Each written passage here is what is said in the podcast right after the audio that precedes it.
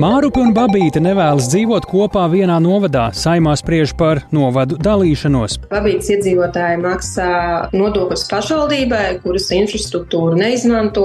Sabiedriskā transporta starp novadu centriem nav vispār un nebūs nekāda noteikti. Visi caur Rīgu jābrauciet, nekāda komunālā saimniecība kopēji mums nav. Nu, nav nekāda vajadzība pēc tādas dzīvošanas kopā. Par ko liecina tas, ka Eiropas politiķi sākuši pieļaut karavīru nosūtīšanu uz Ukrainu. To pēcpusdienas ziņu programmā vaicāsim Tomam Rostokam no Nacionālajā. Nacionālās aizsardzības akadēmijas, un pēc neapmierinātības par daļā skolu ieviesto kārtību, ka skolēns var labot tikai vienu atzīmi katrā priekšmetā, tagad to vērtēs saimnes deputāti. Par to visu plašāk raidījumā pēcpusdienā kopā ar mani Tāli Eipuru.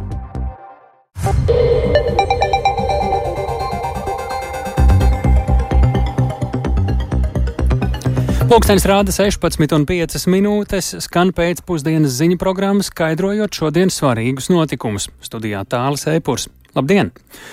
Satiksmes ministrs un uzņēmuma pasažieru vilciens vadība paliks savos amatos. Tāds ir secinājums pēc valsts prezidenta un satiksmes ministra Kaspara Briškena no progresīvajiem šīs dienas tikšanās.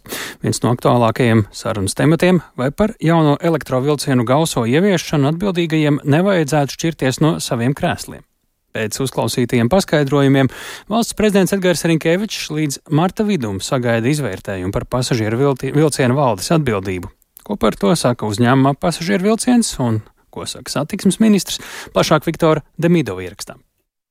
Pēc vairāk nekā stundas ilgas sarunas ar valsts prezidentu Edgars Rinkēviču, satiksmes ministrs Kaspars Briškens no progresīvajiem, žurnālistiem uzsvēra, ka pat labam svarīgākais ir nodrošināt maršrutu nepārtrauktību.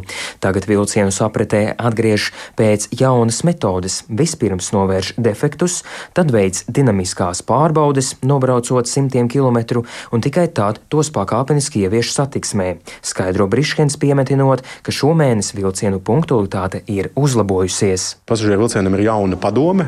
Padome šobrīd patiešām, nu, ņemot vērā, ka viņiem nav saiknes ar kādiem iepriekšējiem lēmumiem, padomas kompetencē ir tālāk vērtēt valdes atbildību. Paralēli, protams, par to mēs arī informējām prezidentu, ir uzsākts šis jau ilgtermiņa procesu izpētes audits, ir izveidota darba grupa, tiek jau finalizēts šis kopējais darba uzdevums, un tad kopā ar ārēju pakalpojumu sniedzēju tiks veikts visa procesa audits, sākot no šī eh, vilciena iepirkuma pašiem pirmsākumiem. Un jūs amatā paliksiet? Es domāju, ka man ir tik daudz eh, darba priekšā, kad ir jāturpina šobrīd uzsāktais darbs visās jomās. Pagājušajā nedēļā platformā X valsts prezidents Edgars Rinkēvičs ierakstīja, ja neripo vilcieni, tad jāripo galvām. Tā viņš reaģēja uz ziņu, ka pasažierus var pārvadāt vien 40% no jaunajiem elektrovilcieniem. Šodien pēc sarunas ar ministru viņš rakstiski norādīja, ka krīze ir nekavējoties jāatrisina. Paralēli jāizvērtē, kā līdz šādai situācijai ir nonākuši. Tādēļ līdz marta vidum, sagaidot problēmu novēršanu un pasažieru vilciens valdes valdes atbildības izvērtējumu. Viņa prāt šī situācija izgaismo arī daudz plašākas un sistemātiskas problēmas valsts lielajos iepirkumos un to pārvaldībā. Pasažieru vilciena valdi var atcelt tikai uzņēmuma padome, kas mēnesi darbojas jaunā sastāvā. Kā viņi vērtē valdes darbu, Latvijas radio rakstiski atbild jaunās padomas vadītājs Artis Grinbergs. Viņa atbildi ierunā kolēģis. Padomu šobrīd vēl vērtē pasažieru vilcienu valdes atbildību un rīcību gan jauno elektrovilcienu iepirkumu kontekstā, gan jauno vilcienu ieviešanas un palaišanas, gan arī krīzes seku mazināšanas kontekstā. Viens no valdes darba vērtēšanas kritērijiem ir jauno elektrovilcienu 95% pieejamības nodrošināšana līdz 9. martam. Plašāka informācija par pasažieru vilcienu valdes darba izvērtējumu sekos pēc novērtējuma pabeigšanas. Latvijas radio noskaidroja, ka nepilnas nedēļas laikā situācija ar jaunajiem elektrovilcieniem ievērojami uzlabojusies. No 17 sastāviem pasažierus ir gatavi pārvadāt 12, jeb 70%. Atlikušos piecus sastāvus dinamiski pārbauda, pauž uzņēmuma pārstāvis Edgars Butāns, norādot, ka visiem sastāviem ir rindā jābūt līdz mārta vidum. Mūsu atbildība ir nodrošināt tiešām pasažieriem uzticamu šo pakalpojumu. Līdz ar to arī es teiktu, tas ir mūsu pienākums dubultā pārliecināties, vai attiecīgi tiem vilcieniem, kuriem šie defekti ir novērsti, vai viņi tiešām ir uzticami un šie defekti neatkārtojas. Vai uh, marta pirmajā dekādē visus 17 sastāvus nevarētu jau palaist? Tas būs atkarīgs, protams, no tā, kā šiem atlikušajiem pieciem sastāviem ies uh, dinamiskajās pārbaudēs. Bet sanāk pat laban, Škoda savu solījumu pilda, ja viņi ir nodevuši visus. Škoda sadarbojās, šo, Škoda savu solījumu pilda. Un uh, pašlaik, kā jau minēju, defekti no Škodas puses ir novērsti visiem līdz šim piegādātājiem uh, vilcieniem. Attiecīgi visiem 17 elektrovilcieniem šie defekti ir novērsti. Plašāka informācija par jaunajiem elektrovilcieniem gaidāma 8. martā, kad atbildīgie taisās rīkot preses konferenci. Viktors Demidovs, Latvijas radio. Par to, kā labāk un gudrāk vadīt un pārvaldīt, nopietni domā arī vienā no novadiem. Vai Mārupe paliks kopā vienotā novadā ar Babīti vai nē? Šodien Saimas atbildīgajā apakškomisijā skatīja jautājumu par portāla Mana balss iesniegto iniciatīvu atdalīt Babītis kādreizējo novadu no šī brīža Mārupes novada. Ko tas nozīmētu šo novadu iedzīvotājiem, to šodien skaidrojusi kolēģi Agnija Lāsdiņa. Sveika, Agnija! Cik zināms, tad eh, galvenā neapmierinātība ar esošo savienību nākusi vai iniciatīva par šo tieši no Babītes, par ko neapmierinātība, kāpēc Babīta vēlas būt neatkarīga un vai Mārupieši viņiem piebalso vai otrādi? Uh, labdien! Jā, tad, kā norādīts iniciatīvā, tad pašvaldību reformas rezultātā Mārupes teritorijas attīstība notiekot uz Babītas novada iedzīvotāju rēķina, piemēram, maksājot Mārupes novada iepriekšējos gados ņemtos kredītus aptuveni 40 miljonu eiro apmērā, savukārt Babītas novada kredītsaistības bijušas aptuveni 5 miljonu eiro, un pēc reformas bijušais Mārupes novads turpina attīstīt savus projektus, piemēram, Mārupes mūzikas un mākslas skolas piebūves projektu, jauna peldbaseina ar spā būvniecību, jaunas skolas būvniecību un citus projektus, taču Babītas novadā pēc reformas nesot īstenots neviens attīstības projekts. Un kā uzsver portāla Mana balsa LV iniciatīvas autore Daca Krastiņa, tad eh, Babītas iedzīvotāji nav sagaidījuši solītos labumus no reformas, nesot samazinājušās pakalpojumu izmaksas un nav arī palielinājusies pakalpojumu kvalitāte. Paklausīsimies viņas sacīto. Babītas un salas pagastu iedzīvotājiem nav nekādu pamatotu argumentu doties izmantot mārups vai jaunmārups mācību iestādes pakalpojumus un infrastruktūru. Babītas iedzīvotājiem tuvāk atrodas Rīgas salas pagastu iedzīvotājiem Jūrmala. Līdz ar to administratīvās teritoriālas reformas rezultātā šobrīd ir izveidojusies situācija, ka Babītas iedzīvotāji maksā nodokļus pašvaldībai, kuras infrastruktūru neizmanto. Šie abi divi novadi ir pietiekami pašpietiekami, kuri spēj attīstīties un pildīt savas autonomās funkcijas uh, atsevišķi, nodrošināt iedzīvotājiem kvalitīvus pakalpojumus. Arī Mārupes novada domas priekšsēdētājs Andrejs Ence no Latvijas reģiona apvienības izsakās līdzīgi, uzsverot, ka dalīties vēlas arī Mārupes teritorija, jo abas teritorijas esot pilnīgi pašpietiekamas un visas funkcijas spējot veikt neatkarīgi. Paklausīsimies viņa sacīto. Sabiedriskā transporta starp novodu centriem nav vispār un nebūs nekāda noteikti. Visi caur Rīgu jābrauc, nekāda komunālā saimniecība kopēji mums nav. Nu, nav nekāda vajadzība pēc tādas dzīvošanas kopā, jo katra bija savas tradīcijas, savas iestrādes, pēc kurām strādāja. Un savienot kopā, nu, nav tik vienkārši, jo, nu, iedzīvotāji ir neapmierināti, iestādes ir neapmierināti, tā ka tur nav varianta nekāda. Ja tā mana balss būtu arī Mārus iedzīvotāji, tad droši vien rezultāts būtu tāds pat bijis. Jo, nu, neviens neredz nekādu vajadzību, mēs dzīvojam ļoti draudzīga 30 gadus, un, un, un viss bija kārtībā, mums nebija problēmas nekādas. Saimas atbildīgās apakškomisijas sēde ir noslēgusies, un tajā skaidros, skaidrots, ka novadu teritorijas var grozīt ar valdības lēmumu, savukārt pieņemt lēmumus par tik būtiskām izmaiņām, kā esošo novadu sadalīšanu un jaunu novadu izveidošana var tikai ar saimas lēmumu. Līdz ar to, ja skatīs grozījumus administratīvo teritoriju un apdzīvoto vietu likumā un iesniegs priekšlikumus par Mārupes novada sadalīšanu, saimas deputātiem tas būšot jāizskata un plānots, ka vides aizsardzības aizsardzības un reģionālās attīstības ministrija virzīs grozījumus administratīvo teritoriju un apdzīvoto vietu likumā, lai Madonas novadam pievienotu Varakļānu novadu, kas tad attiecīgi arī ļautu rīkoties Mārupes novadam. Jāpiebilst, ka rīt arī Mārupes novada domas sēdē paredzēts skatīt jautājumu par Mārupes novada sadalīšanu, un kā saimas apakškomisijas sēdē norādīja domas priekšsēdētājs, tad eh, deputāti visticamāk atbalstīšot lēmumu par abu teritoriju atdalīšanu. Paldies Agnijai Lāsdiņai par citām pašvaldībām, kas uh, vēlas atvienoties. Klausieties rīt pēc ziņām pulksten astoņos rīta programmā Labrīt. Savukārt uh, par vilcieniem un citām arī pašvaldībām svarīgiem satiksmes jautājumiem pēc pulksten septiņiem rīta intervija ar satiksmes ministru Kasparu Briškenu šeit pat Latvijas Radio 1, bet uh, programmā pēcpusdien tālāk par svarīgāko attiecībā uz Ukrainu. Rietumvalstis varētu nosūtīt savus zemes karaspēku uz Ukrainu, lai nepieļautu Krievijas uzvaru karā Eiropā. Šāds Francijas prezidenta Emanuela Makrona paziņojums ir izsaucis nopietnas diskusijas, un zināms arī tas, ka atsevišķas valsts jau ir noraidījušas šādu ideju. Tikmēr politiskās cīņas ap papildu militāro palīdzību Ukrainai turpinās ASV, Prezidents Džo Baidens šodienas Baltonam ielūdzis kongresa līderus, lai mēģinātu pārliecināt viņus beidzot apstiprināt palīdzību, bez kuras Ukrainai būs grūti aizsargāties. Ulda Ķēzbers ižets. Pirmo reizi divu gadu laikā kopš Krievijas pilna apmēra iebrukuma Ukrainā kāds no rietumvalstu līderiem ir atklāti runājis par iespēju nosūtīt savas valsts karaspēku uz Ukrainu. Francijas prezidents Emmanuels Macrons vakar paziņoja, ka Eiropa ir jāizskata visas iespējas, lai nepieļautu Krievijas uzvaru karā Ukrainā, jo tas ir izšķiroši kontinenta stabilitātei un drošībai. Šodien nav vienprātības par oficiālu sauszemes karaspēka nosūtīšanu uz Ukrainu, taču situācijai dinamiski attīstoties, nekas nav izslēgts. Mēs darīsim visu nepieciešamo, lai Krievija nevarētu uzvarēt šajā karā. Makrons ar šo paziņojumu nāca klajā Parīzē notikušajā konferencē, kurā vairāk nekā 20 valstu vadītāji apsprieda turpmāko palīdzību Ukrainai. Makrons neatklāja, kuras valstis bez Francijas būtu gatavas sūtīt savus karavīrus uz Ukrainu, taču vairāku valstu vadītāji paziņoja, ka neatbalsta Eiropas tiešu iesaistīšanos karā Ukrainā.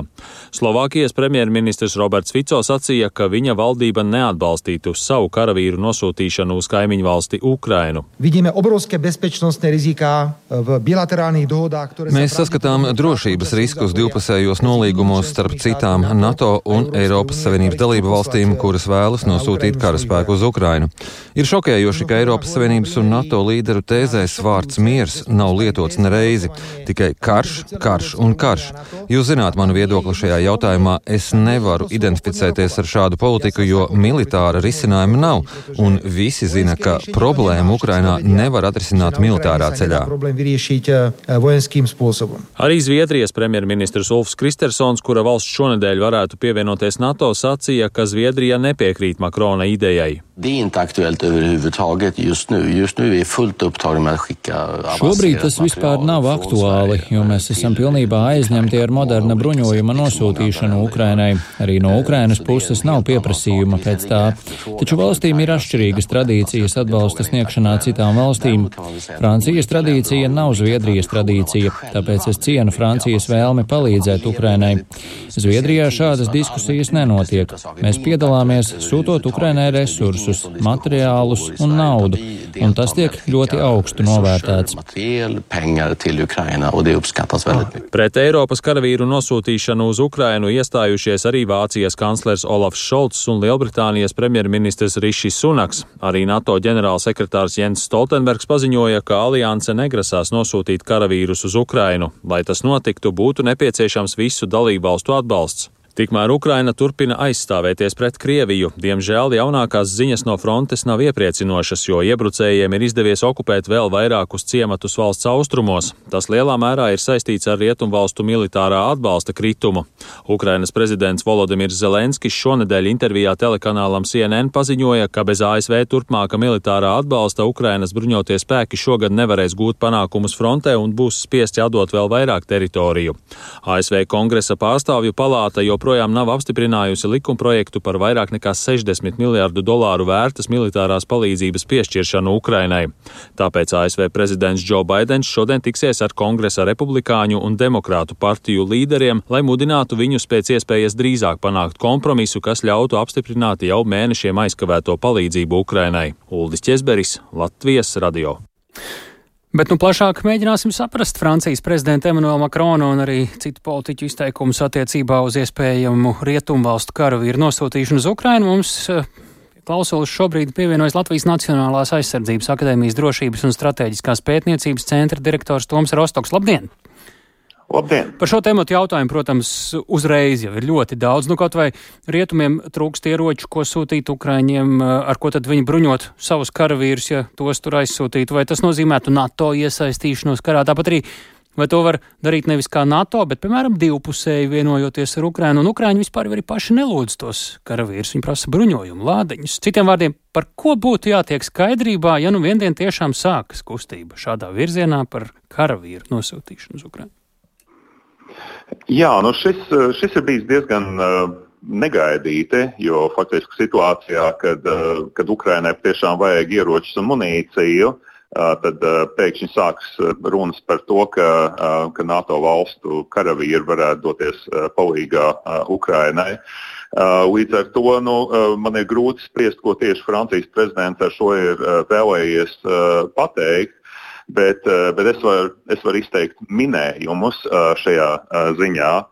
Un, un viens no tiem minējumiem ir tāds, ka, um, nu, ka pirmkārt tas ir signāls uh, Krievijai, uh, proti uh, NATO valstis ir, ir akceptējušas šos ierobežojumus pašas savai rīcībai. Proti, no kara sākuma ir, ir bijuši ierobežojumi. Ja? Daļa no šiem ierobežojumiem attiecas arī uz Ukrajinu. Piemēram, nu, ka tur rietumu ieročus nevar izmantot pret, pret Krievijas teritoriju. Um, uh, līdz ar to tas, uh, tas varētu būt signāls uh, Krievijai, ka, ka ja karš turpināsies, tad mēs kādā brīdī varam nonākt pie situācijā, kad, um,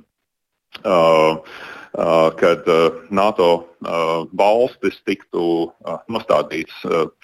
Um, nu, situācijā, kad uh, šis jautājums varētu kļūt aktuāls. Nu, un, protams, aktuāls viņš varētu kļūt pie nosacījuma, uh, ja uh, Ukrainai uh, patiešām iet ļoti slikti.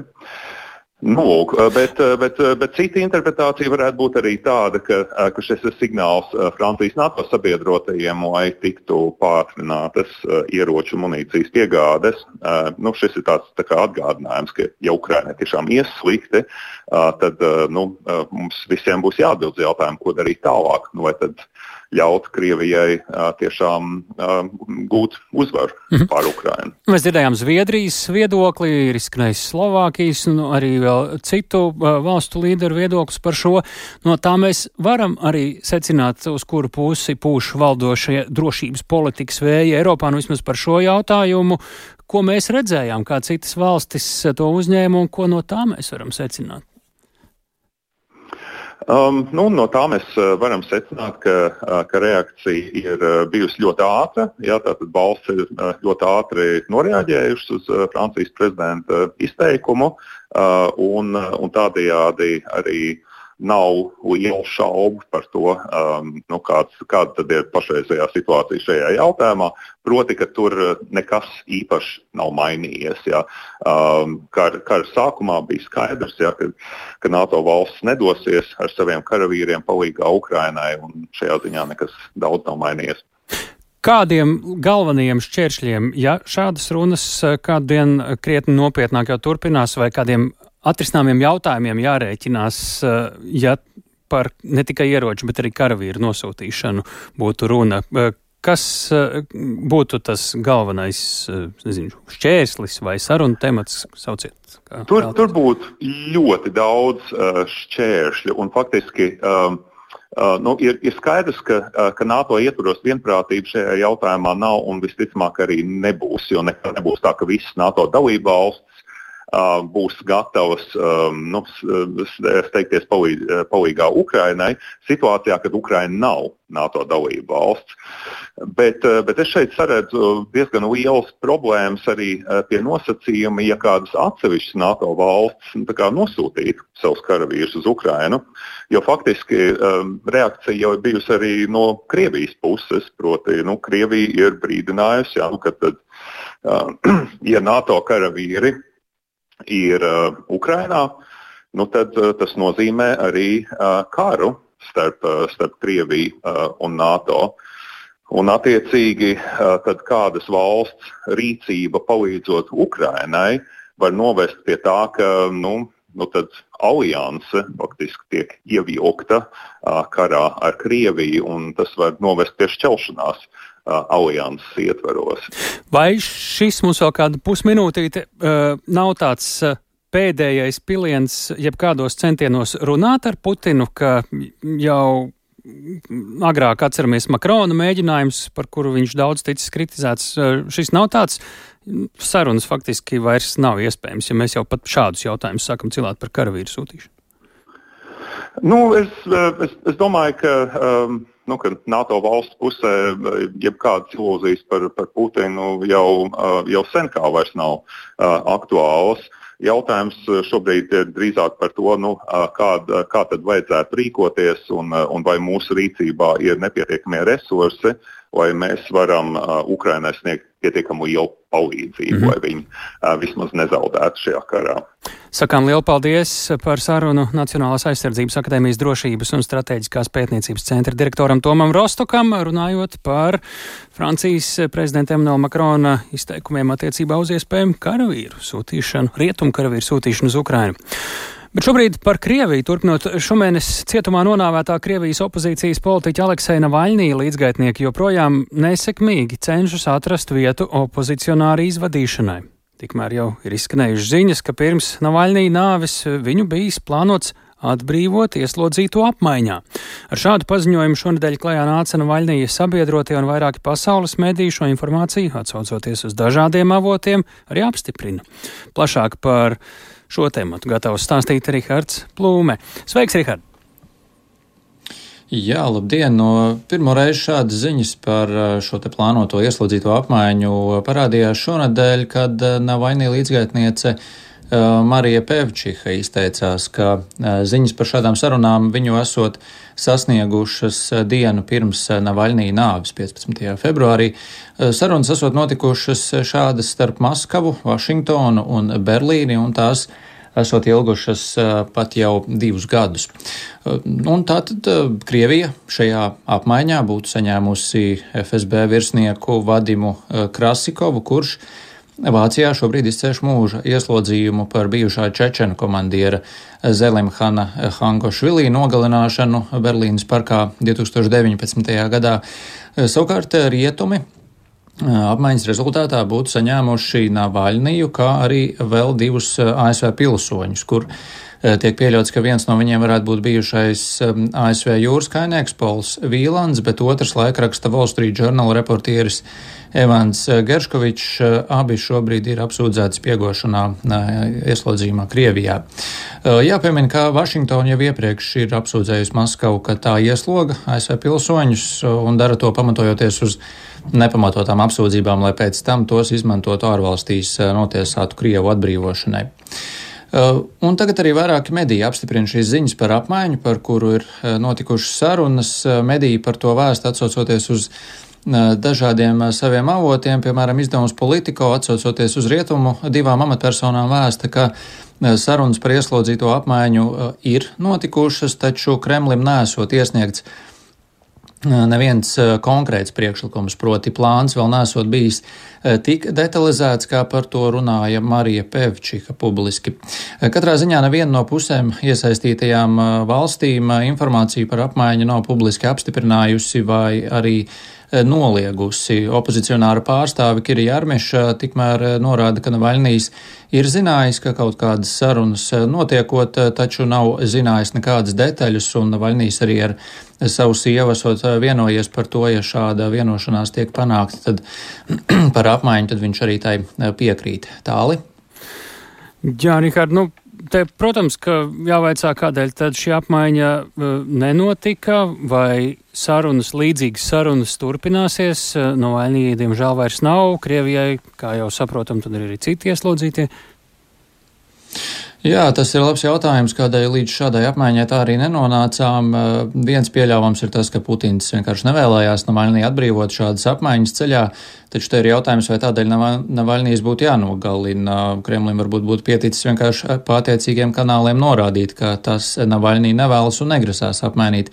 Eh, bet, ja patiesi ir Pevčiks apgalvotais, ka plāns jau ir bijis pabeigts un apmaiņai jau bija jānotiek, proti bija nolikts datums ap Navaļnī nāves laiku, nu tad varbūt arī viņš ticis nogalināts tieši tādēļ, ka Putins eh, vienkārši pārdomājis un tomēr nevēlējies, eh, lai Navaļnīs ir brīvībā. Katrā ziņā grūti spriest, kādi ir bijuši tieši iemesli, bet eh, kas attiecas uz sarunu turpināšanos, viena no rietumu amatpersonām izdevumam Politico ir apstiprinājusi, ka jā, sarunas pēc Navaļnī nāves turpinās, eh, taču līdz šim nesot izteikts pat neformāls piedāvājums Krievijas pusē. Un jā, Krievijā politieslodzīto netrūkst, un pamanāmākais šobrīd ir opozicionārs Vladimirs Karamurza. Tādēļ pieļaujams, ka varētu notikt vai jau notiek kādas sarunas par to, kā apmaiņā atbrīvot, piemēram, viņu. Karamūrzas sieva Evgēnija uzskata, ka šāda politieslodzīto atbrīvošana ir jāpanāk par jebkuru cenu. Paklausīsimies, kas viņai bija sakāms. Well, I believe that those people who are held, uh, whose lives are in constant danger, Es ticu, ka tie cilvēki, kuru dzīvība ir pastāvīgās briesmās, ir jāatbrīvo, izmantojot jebkuru pieejamo metodi. Un jā, ieslodzīto apmaiņa ir viena no šādām metodēm. Ir saraksts ar politieslodzītiem Krievijas soda izciešanas sistēmā, kuru dzīvības ir pastāvīgās briesmās.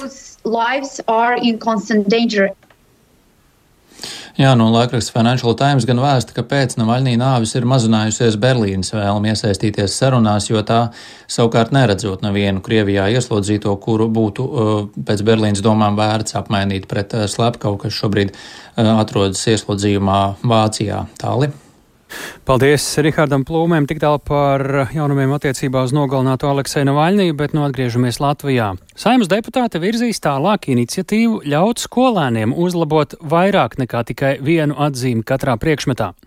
Iniciatīvu platformā Mana balss LV pieteikusi kāda skolniece, kur satrauc šobrīd jau daļā skolu ieviestā jaunā kārtība. Deputāti šodien sprieda, ka šī varētu būt pārāk strikta pieeja. Vairāk klausāmies Paulas Dēvids ierakstā. Mums nav atļauts labot atzīmes. Vai jūs tādu vajadzētu? Varbūt pat ir labāk, ka nevar. Jā, jo tad uh, pirmajā reizē uzreiz. Jā, vairāk liek skolēniem mācīties Jā. uzreiz, nepaļauties uz to otro iespēju labot atzīmi.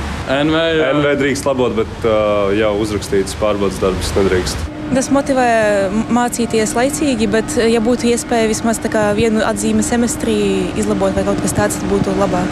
Nē, mums ne, vienīgais, ko labot, var ir NV. Jā, oh. bet atzīmes nevar labot. Pats tas dabūt divi. Šāds ir Latvijas radio Rīgas ielās uzrunāto skolēnu viedoklis un pieredze atzīmju labošanā. Tiesa, ka skolās šajā mācību gadā pieeja atšķiras. Jaunā satura ietveros plānots no nākamā gada ieviest jaunu vērtēšanas noteikumu, ka skolēns vienā priekšmetā drīkstēs uzlabot tikai vienu atzīmi. Šīs gads noteikts par pārejas periodu, kad skolas varēja izvēlēties, vai to ieviest jau tagad. Skolēnu, vecāku un nozares organizāciju viedokļi par šo pieeju pieeju ir atšķirīgi. Taču kāda 64. vidusskolas skolniece Paula Gļeba nolēma pieteikt iniciatīvu Mana balss LV, pieprasot ļaut labot vairākas nesekmīgas atzīmes. Šobrīd šī mācību sistēma daļai jauniešu sagādā grūtības un nāk līdz ikdienas dzīvē kā papildus stress. Vēlos pieminēt arī to, ka atzīme labošana nevienmēr ir stāsts par vienlīdzīgu attieksmi un cerību, ka tādējādi skolēns gūs papildus privilēģijas brīdī, kad dosies pārbaudas darbu pārrakstīt atkārtoti. Ir skolēni, kuriem nevienmēr sanāk iegūt vēlamo atzīmi, neskatoties to, cik liels darbs ir ielicis mācību procesā. Iniciatīva guva iedzīvotāju atbalstu, un šodien Saimas mandātu komisijas deputāti nolēma to nodot izskatīšanai izglītības komisijā. Deputāti arī vienojās uzdot komisijai to izskatīt jau martā, lai ir pēc iespējas ātrāka skaidrība par vērtēšanas procesu nākamajā mācību gadā. Izglītības ministrijā šodien norāda, ka neiebilst pret iniciatīvas tālāku skatīšanu. Arī vairāki eksperti atzina, ka to atbalsta, taču uzsvēra, ka ir pareizi ierobežot atzīšanu atzīmju labošanas iespējas. Turpina Latvijas Universitātes izglītības fakultātes dekāne Linda Daniela. Manuprāt, virziens ir pareizs, bet eh, es sadzirdu, ka mēs tajā kontekstā esam ļoti, ļoti fokusējušies uz vērtēšanu. Eh, bet tas, ko es eh, kā, zinu, ka tur ir kopā jābūt arī tai pirms saprašanai, pirms vērtēšanai, ko skolotājs darītu. Arī biedrībā mamām un tētiem uzsāktās pārmaiņas atbalsta, taču aicina komunicēt ar sabiedrību un vecākiem par plānotajām izmaiņām, jo arī vecāki esot sašutuši, jo nezina, kāpēc šādas pārmaiņas ir svarīgas. Savukārt pedagoģu arotbiedrībā uzsver, ka ļaut labot visas sliktās atzīmes skolotājiem esot pārāk liels sloks, skaidroja Inga Vanaga uzmanību, ka ir jāgatavojas katram pārbaudījumam. Mēs nerunājam par izņēmumiem un par objektīviem iemesliem, kāpēc. Ja? Un tāpēc mēs uzskatām, jā, ka šī Izveidojusies ir šī interešu sadursme, ja jau normatīvie akti paredz vienu jaunu reformu, ja te būtu jāturpina meklēt šie kompromisi, bet tas, kas ir jābūt skaidriem spēles noteikumiem visām iesaistītām pusēm, es aicinātu ir uzticēties skolām, pedagogiem par viņu nu, noteikto jošo pārbaudījumu sistēmu. Iniciatīva turpinās skatīt Saimas izglītības, kultūras un zinātnes komisijā. Paula Dēvica, Latvijas radio. Ja reiz par iedzīvotāju iniciatīvu un iesaistīšanos, tad tieši uz iedzīvotāju līdzdalību aicina Liepājas pašvaldība. Cilvēki aicināti izteikt viedokli par plānotām vairākām izmaiņām iedzīvotāju sociālo pakalpojumu saņemšanas kārtībā. Liepājā domā atrast finansējumu, lai turpinātu deinstitucionalizācijas projektus, īpaši uzmanību pievēršot bērniem ar funkcionāliem traucējumiem. Tiesa, iespēja klases nebūs tik plašas kā iepriekš. Vairāk par visu Ingas Ozols ierakstām. Liepājas sociālā dienesta vadītāja Dāca Zeļģa Latvijas radio skaidro, ka pašvaldība ir jānodrošina pēcsacība deinstitucionalizācijas projektiem, taču pārmaiņas būs. Mēs tiešāk skatā varētu mērķu grupas, kas bija deinstitucionalizācijas projekti ietvaros, kas saņēma visu 100% apmērā, bet šobrīd tas ir tātad mēs viņu dalīti sniegsim šo atbalstu, jo pēcsacība mums ir jānodrošina, pēcsacība tiks nodrošināta, lai veicinātu sociālās rehabilitācijas pakalpojumu piemību plašāk plašākam saņēmēju lokam, nodrošināt tā, tātad šo nu, deinstitucionalizācijas procesu pēstniecību, tiks nodrošināti 400 eiro kalendārajā gadā. Tas būs cevišķi bērniem ar funkcionāliem traucējumiem, kuriem ir noteikti invaliditāte. Kā logopēds, tur ir tā kā ūdens akvabaigs. Viena no deinstitucionalizācijas projekta īstenošanas vietām Liepājā bija Baltijas rehabilitācijas centrs. Centra valdes priekšsēdētāja un biedrības dižvanagi vadītāja Ilza Durņeva skaidro, ka bija pieejama ļoti plaša psihosociālā rehabilitācija ģimenēm. Runājot par deinstitucionalizācijas projektu, viņš pēdējā gadā, tas pēdējais etaps bija ļoti labs, un tādu vajadzētu attīstīt, ieviest. Protams, jā, kas par to maksās, bet eh, kad šeit varēja vienlaicīgi dabūt tātad mamma, Tātad, nu, tātad ģimene. Ja, mamma vai tēvs dabūna savas terapijas, bērns savas terapijas. Viņi ir šeit, viņi ir vienā vietā, viņiem nav pēc šīm terapijām jāskrien pa visu pilsētu vai pa visu rajonu, pa visu kurzemi. Viņi dabūna šeit vienopus. Ja.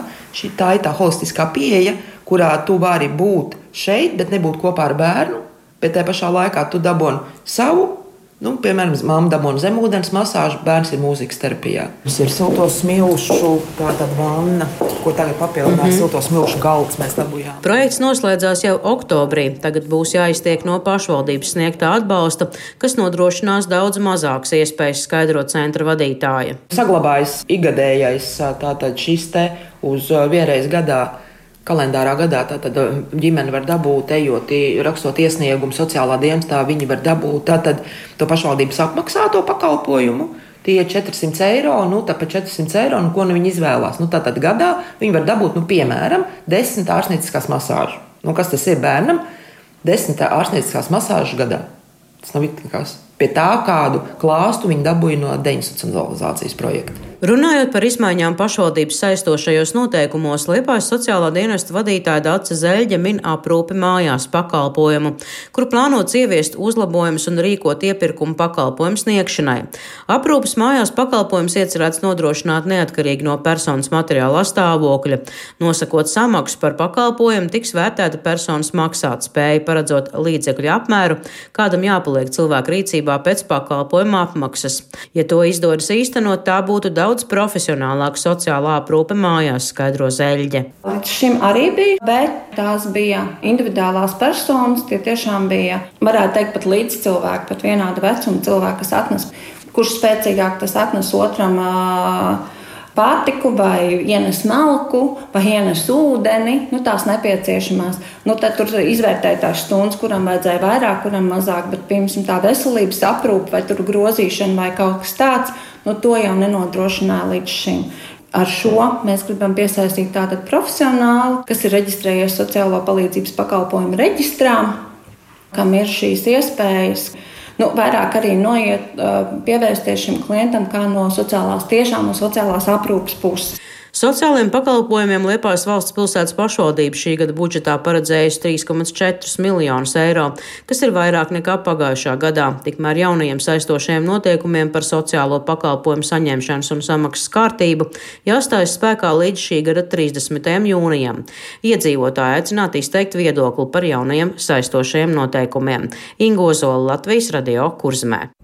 Un raidījumā pēcpusdienā arī par sporta tematiku vai jaunais sporta veids 3x3 hokejs pēc parādīšanās pasaules jaunatnes ziemas olimpiādē varētu nonākt arī lielajās olimpiskajās spēlēs. Tas tiek jautāts gan pēc tam, kad jaunatnes spēlēs olimpisko zeltu izcīnīja tieši Latvijas izlase, gan tāpēc, ka tieši šajās dienās Rīgā rit eh, eksperimentāls 3x3 hokeja turnīrs un izrādās, ka eh, Starptautiskā hokeja federācija un arī Olimpiskā komiteja esot ieinteresēti spērt šādu soli jau 2030. gada Ziemas Olimpiskajās spēlēs.